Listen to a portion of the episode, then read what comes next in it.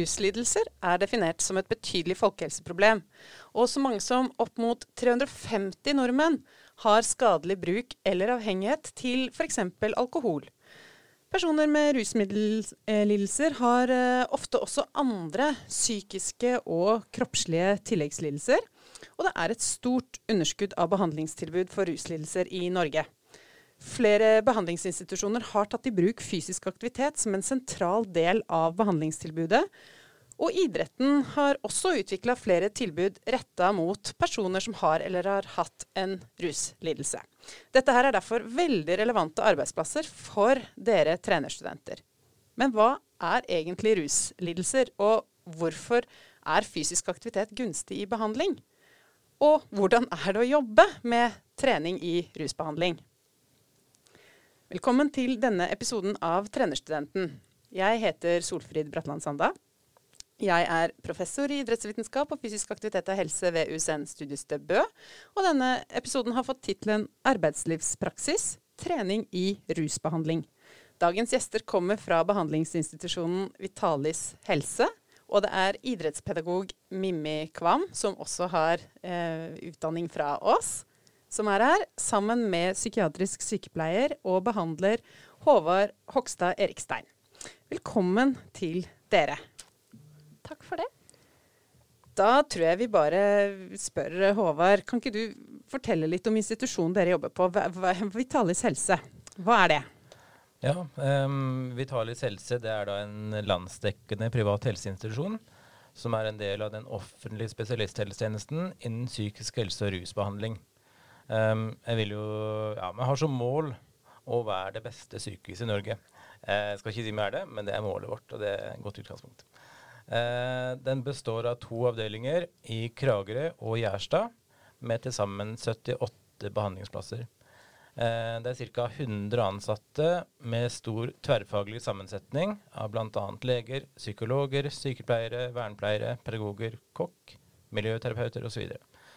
Uh, men kanskje en viktig viktigste ansattgruppa vi har, som gjør at Vitalis skiller seg ut som institusjon, er de med utdanning innen fysisk aktivitet og helse. Idrettspedagoger og fysioterapeuter. Vi har nå en andel på ca. 10% ansatte med aktivitetsfaglige ansatte, og det preger behandlingstilbudet sterkt med fokus på fysisk aktivitet. Eh, mange av pasientene som er innlagt der, er der ca. ett år, og mange av pasientene har en historikk prega av mye sykdom og hyppige innleggelser. Mange er også folk som kommer fra fast jobb, familie og godt liv, men rusen har tatt overhånd, og de er i fare for å miste alt. Eller har, gjort det. Eh, ved å ha de inne til behandling over tid er det lettere å skape endring og få gode vaner for at de skal ha bedre utsikter. Så det er vel sånn kort om Vitalis helse. Ja, og en av idrettspedagogene er jo med oss eh, eh, i studio nå. Eh, Mimmi, hvor mange, hvor mange, idrettspedagoger er dere? Hvordan er dere som fagmiljø i Vitalis? Nå er vi I Kragerø så er vi tre idrettspedagoger eh, og én til to fysioterapeuter. Nå er det en som er i mammapermisjon, så vi har akkurat nå er det én. Ja. Men uh, vi har to. Så i Kragerø så er vi jo fem. Eh, Gjerstad så er det vel to idrettspedagoger og én fysioterapeut. Litt fordi det er en litt mindre avdeling. Vi har flere pasienter i Kragerø. Så da er det et større behov for flere, mm. rett og slett. Og så skal vi jo komme litt tilbake til mer sånn konkret hvordan en arbeidshverdag til en idrettspedagog ser ut på, eh, på um, Vitalis helse. Men Eh, aller først dette med litt sånn Hva er ruslidelser egentlig? Eh, Håvard, kan du ta oss litt igjennom det? Ja, um, Det er jo en gruppe lidelser som er prega av avhengighet og eller skadelig bruk av rusmidler, som alkohol, narkotika og medikamenter. Um, ofte er det en følgetilstand pga. traumer eller psykiske lidelser Uh, sånn at de ofte må utredes for det når de blir innlagt med en diagnose. Um, alkohol er jo det største um, problemet i Norge. Som du sa, eh, det er opp mot uh, 350 000 nordmenn som har et skadelig forhold eller avhengighet uh, av alkohol. og det er da ja, for lite behandlingstilbud til denne gruppa. For det, ja, mange søker ikke hjelp. Eh, de tenker at eh, de skal prøve sjøl, og så eskalerer de, sånn at det, det blir et ganske stort forbruk. Um, en annen ting er jo det med piller. Um, det starter gjerne med at en har litt lite um, aksept for smerte. har litt vondt i hodet, tar en uh, Paracet. Og så får den litt mer vondt, og så tar den mer. Og så har han rett og slett ja, for lite aksept for smerte.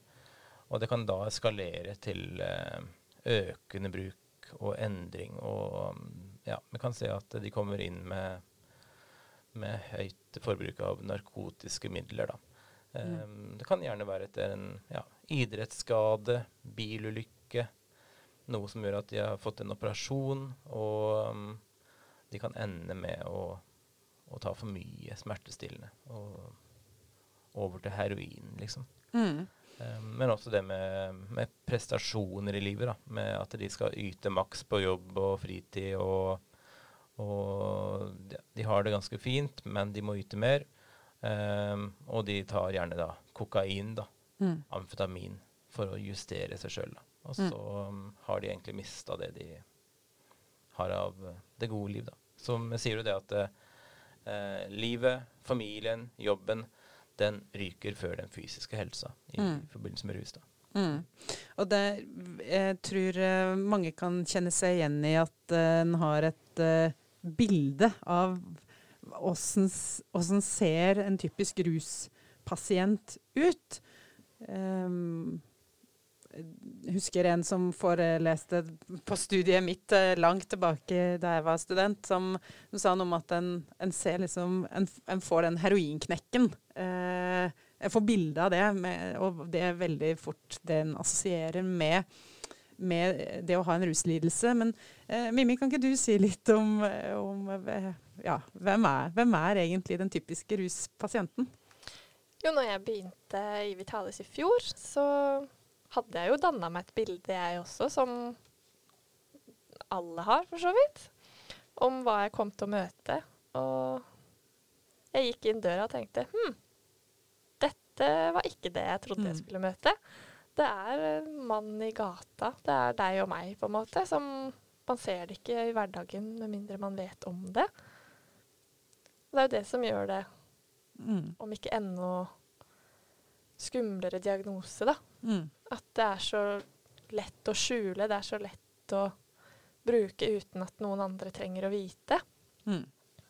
Og da går det såpass langt da, før man søker hjelp, at det er utfordrende og man trenger hjelp for å komme ut av mm. utfordringen og ja, rusbruken sin, da. Mm. Og eh, det der å, å tenke at det, det, er ikke alle ting en kan se på utsida. Det gjelder jo for så vidt en del andre eh, psykiske eh, helseplager og det, men, eh, men det, det, tror jeg er viktig at vi, at vi husker på det. Mm. Også det med, det med skader da, og rus, eh, så ser en også det at eh, det er gjerne de pårørende, familie og barn, det er de som gjerne får de største skadene for den som bruker rus. Den er veldig fanga i rus. Eh, både det å få nok rus, eh, det å kompensere hele tida. Og de mister gjerne blikket da, på omgivelsene sine. Mm. De svikter barna sine, de svikter familien. Eh, de funker ikke helt på jobben. Sånn at, eh, sånn at barn, pårørende, er gjerne ja, de som får de største skadene av et rusmisbruk. da. Mm. Som da også er uskyldige parter oppi det hele. Da. Så det er jo det som gjør, også gjør det veldig alvorlig. Da. At mm. Det er ikke bare den ene pasienten som jeg skal hjelpe. Mm. For det er rett og slett de rundt som har de største skadene. Mm. Og hvis vi da kommer litt inn på det med, med den behandlinga, så når de først har søkt eh, hjelp um, Og så består jo Altså behandlingstilbudet er jo eh, selvfølgelig eh, mer. Hvis du, Håvard, kort kan si litt om eh, hva består den andre behandlinga av, så skal vi straks gå inn på det som handler om fysisk aktivitet. Men hvis du, Håvard, bare tar kjapt det først. Ja. Um, de som kommer inn til oss da med rusmisbruk, uh, ruslidelse, de um, alle får jo egentlig et individuelt tilbud som er tilpassa deres problematikk. Så det er individuell behandling uh, med psykolog, lege, behandler um, som går jevnlig. Og så er det også grupper som da tar for seg veldig mange temaer relatert til rusmisbruk. da. Og så er det da ja, masse sånn hverdagslige Mm. ting som må opparbeides igjen. Eh, sånn at det er jo liksom å lære seg å leve på nytt igjen Mm. uten rus. Da. Og da har vi forskjellige grupper med forskjellige interesser. Det å lære seg å bruke nærmiljøet og frivillige organisasjoner. Eh, jobb er jo viktig. Eh, Mm. Utdanning. Så det er mange aspekter i behandlinga da, som, Mm. eh, som er da, ja, i tillegg til aktivitet og Mm. Og det er veldig lett å, i hvert fall for oss som har en utdanning innen fysisk aktivitet og helse så, eh, og idrett, trening, så er det veldig lett å, å tenke at det eh, at det blir veldig viktig. Og det å, og, men derfor så er det òg viktig å være klar over at det er jo ikke det aleine som eh, bidrar. Det er jo behov for mange komponenter inn i en sånn behandling hvor fysisk aktivitet og trening er en del. Altså det er én komponent blant mange komponenter i en sånn helhetlig behandlingstenkning. Mm. Og det er også en, eh, en viktig del er også en utredning. Ja. Eh, som OK, det er lett å se at du har brukt for mye alkohol og har fått en eller annen sykdom av det. Eller at du er avhengig av narkotika eller piller. Det er ganske lett å måle. Men det som ligger bak, eh, Mm. det er ofte viktig å utrede i starten av behandlinga. Så det er gjerne det som tar en del tid i starten å få utreda. Er det noen traumer? Er det noe ting som har skjedd tidligere som er ø, årsaken til at du nå har det så vanskelig? Mm. Så det er ja, en viktig del.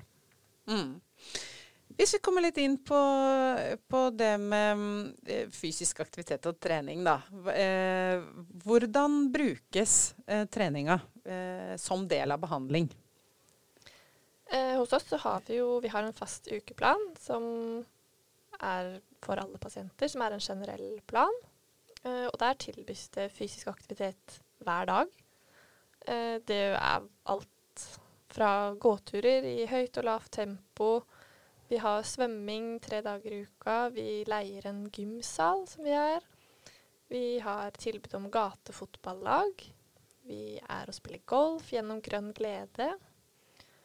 Og så er vi og bader. Bruker, vi er jo i Kragerø, så vi bruker jo det vi har rundt oss. Så vi har sjøbad som en positiv opplevelse da. Altså, på ukeplanen hver uke, hele året. Ja. Kan også tilføye litt i forhold til golf. Eh, Det har blitt en veldig sånn, viktig del for mange da, i behandling. Um, og, og det er jo liksom litt artig da, at de kommer inn med et uh, rusproblem, Mm. og så ser de at de har golf i behandling. Ja, men det har de jo tenkt på at det kunne vært morsomt. Og så um, har vi da ukentlig golftrening. Um, og den verdien det har da, av å ja, både golfspille i seg sjøl da, Du går fra hull til hull. Um, det går kanskje dritt på det ene hullet. Uh, og du går videre til neste og starter med nytt utgangspunkt.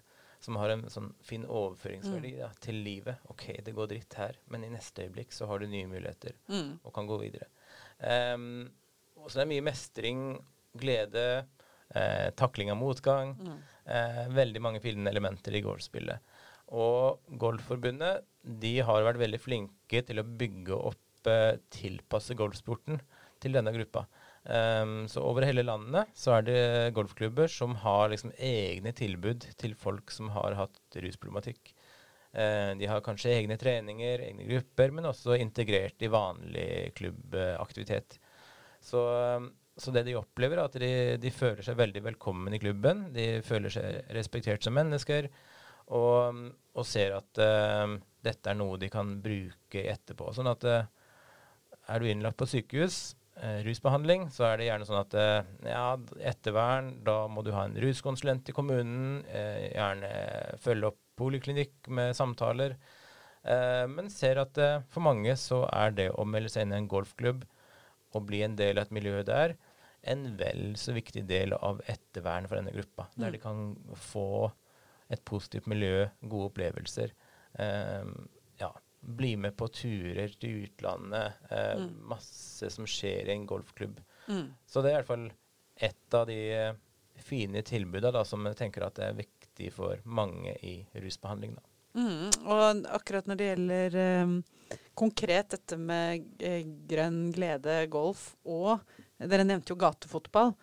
Så planlegger vi faktisk egne episoder på eh, de tematikkene, for de tenker vi er så viktig å løfte opp i seg sjøl. Så da, for dere studenter som tenker at eh, hm, det kunne jeg tenke meg å høre mer om, så eh, planlegger vi altså da egne dedikerte episoder til det. Mimmi, kan du si litt grann, sånn konkret, hvordan ser arbeidshverdagen til en idrettspedagog på Vitalis helse ut? Arbeidshverdagen er jo veldig, veldig variert.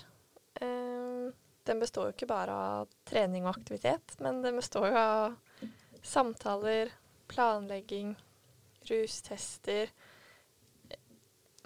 Alt som eh, hverdagen Ja, vi begynner med en rapport, har et morgenmøte, samtaler, har en morgensamtale med pasientene.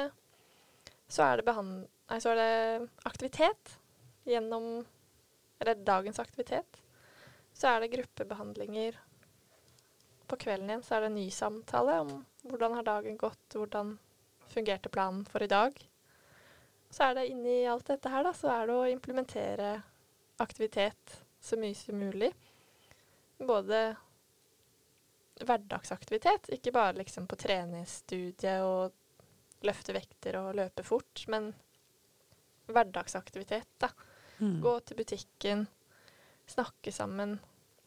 Så er det det som er så fint da, med å være idrettspedagog, at du får pasientene ut av avdelingen. Du får det i litt andre miljøer hvor ofte samtalene går litt lettere. Det er ikke så skummelt å snakke.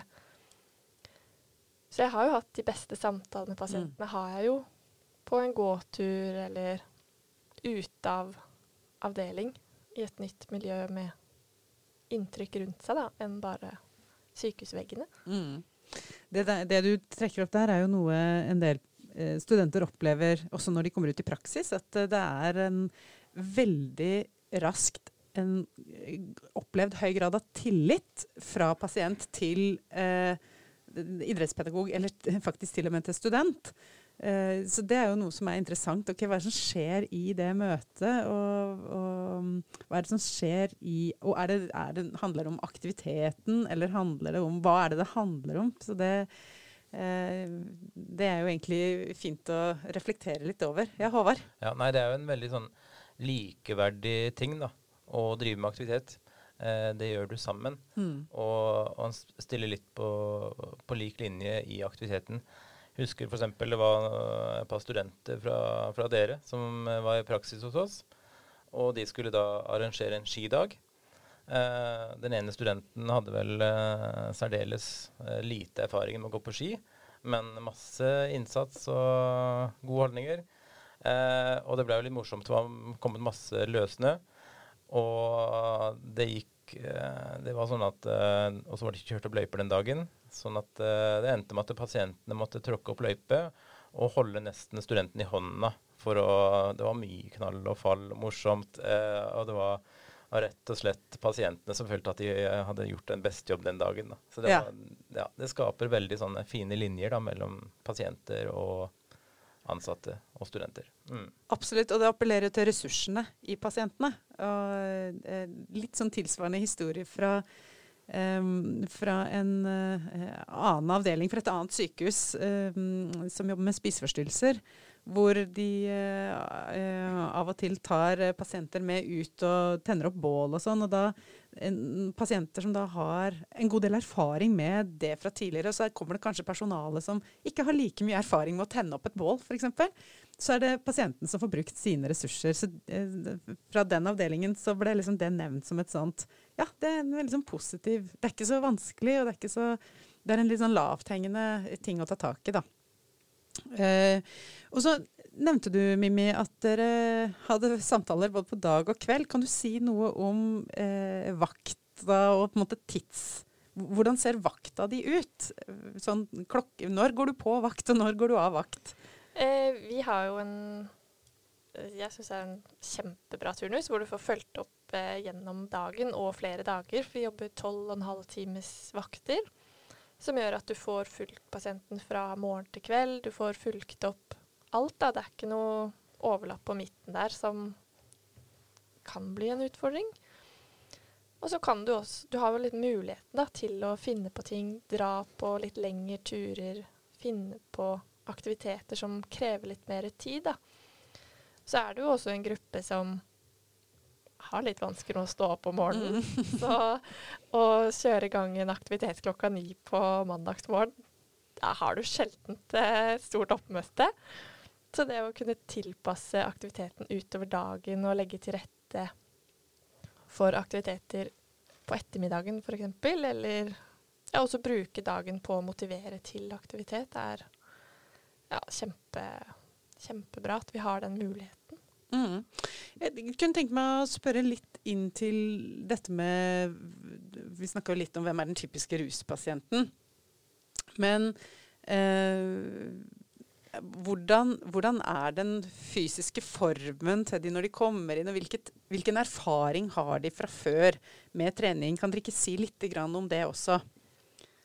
Jeg syns jo det er eh, Det er det som gjør det spennende, men også litt vanskelig, fordi alle kommer inn med helt forskjellig erfaring til trening. Noen har trent hver dag, og ja, mange har, ikke brukt steroider mm. gjennom trening.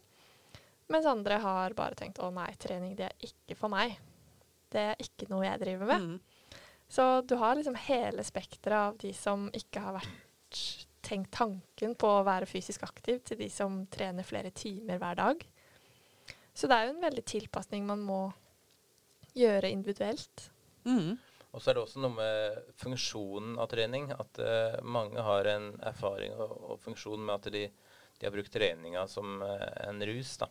At de bruker det for å unngå tanker og følelser. Mm. Livet sitt Det er et sånn fristed der de får kobla av alt. Um, og da er det jo å jobbe med å, å gjøre om funksjonen da, til å gjøre at det blir en ting som fører til at OK, det her gjør jeg for å ta vare på meg sjøl, få bedre helse, få et godt liv. Uh, da blir det en nyttig greie istedenfor at det, det blir sånn supplement til rus. da. Mm. Uh, så det er i hvert fall en ja, en endring som mange må gjennom. da, Fra mm. en avhengighet og, og, distraksjon til en, en, nytteverdi som gjør at de bygger helsa si. Mm.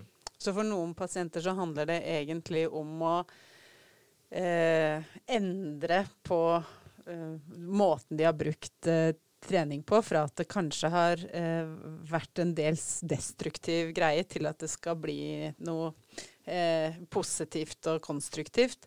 Og for andre så må de kanskje erfare for første gang en eh, sånn aktivitets- eller bevegelses-, trenings- eller idrettsglede. At eh, ja, man har kanskje dårlige erfaringer med det fra barn, oppvekst, fra kroppsøving eller fra idretten, og det å da eh, få nye erfaringer som kan erstatte noen av de gamle negative opplevelsene, det hører jeg på dere at også er en viktig del av jobben.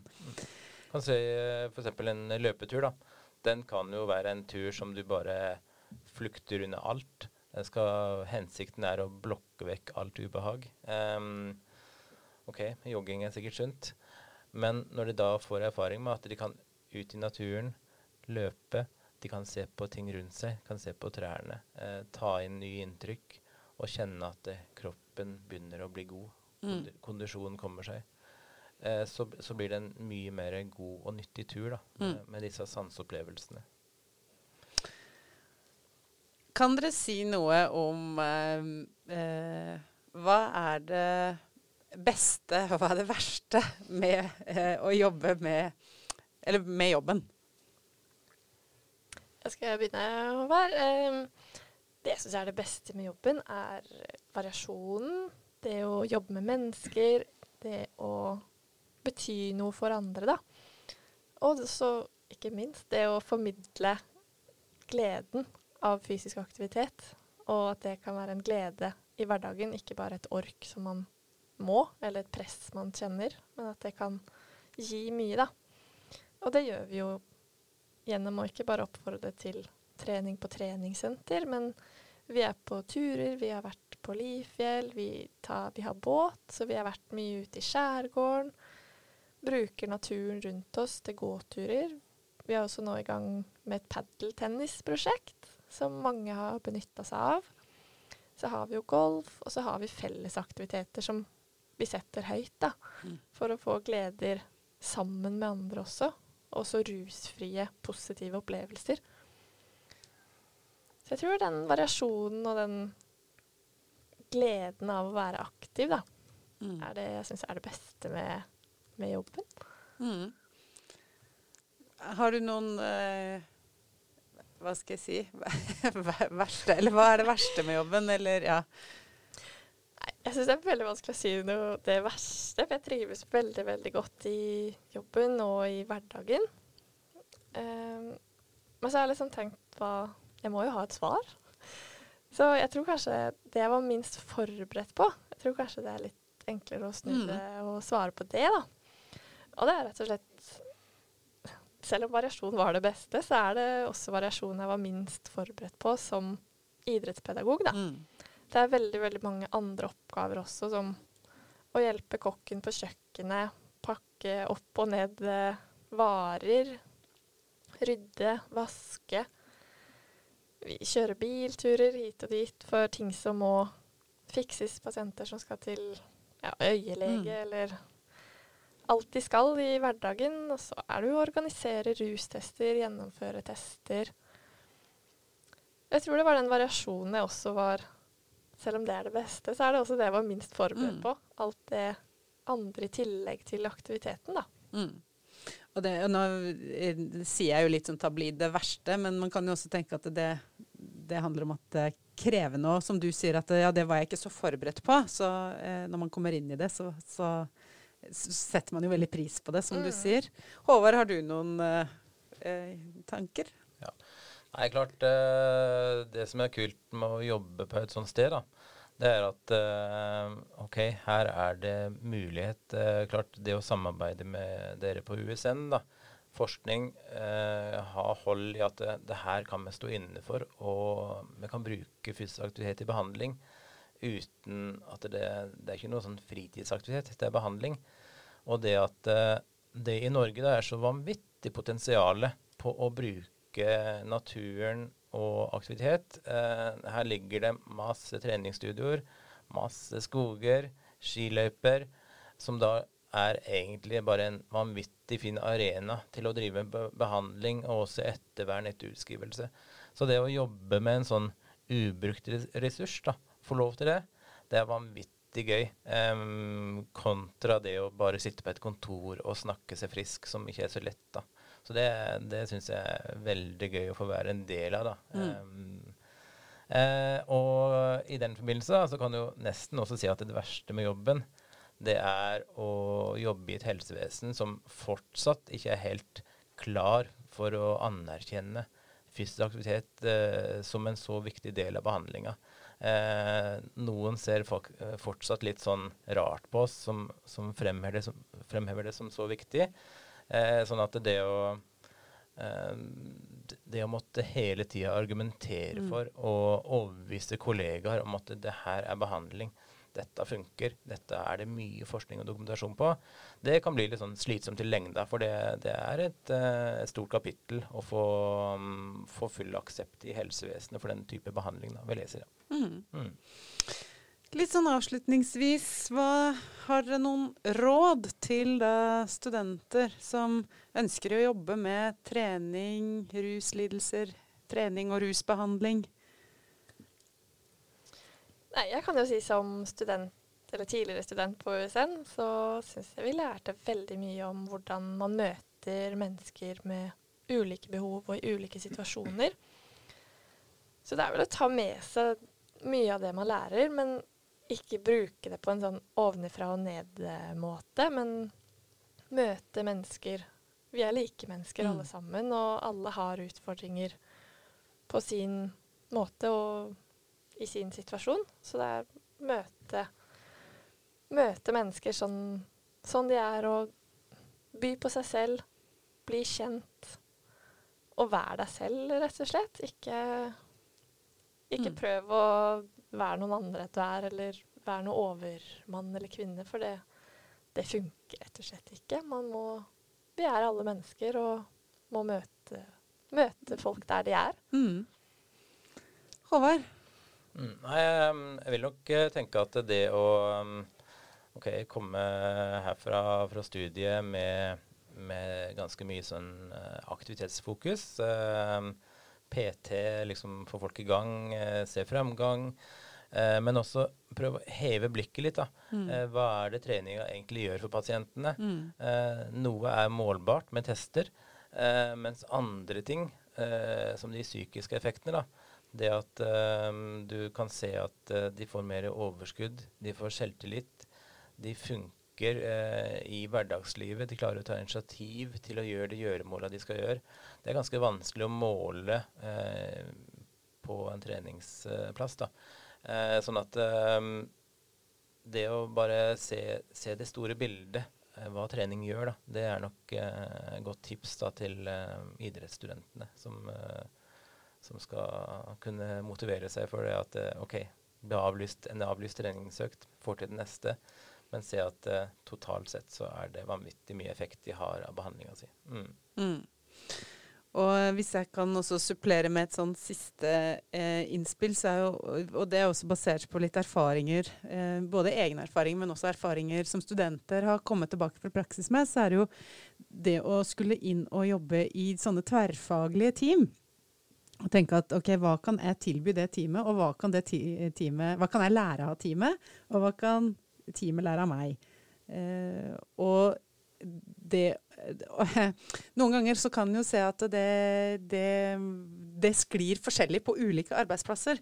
Så det å være litt sånn åpen og ydmyk når du kommer inn i et sånn tverrfaglig miljø, det tenker jeg er en veldig god inngang. Eh, og en god inngang for også å få den eh, aksepten og forståelsen for det fagfeltet som vi eh, kommer med, da. Tusen takk, eh, Håvard og Mimmi, for at dere tok dere tida til å komme hit. Og tusen takk til deg som lytta.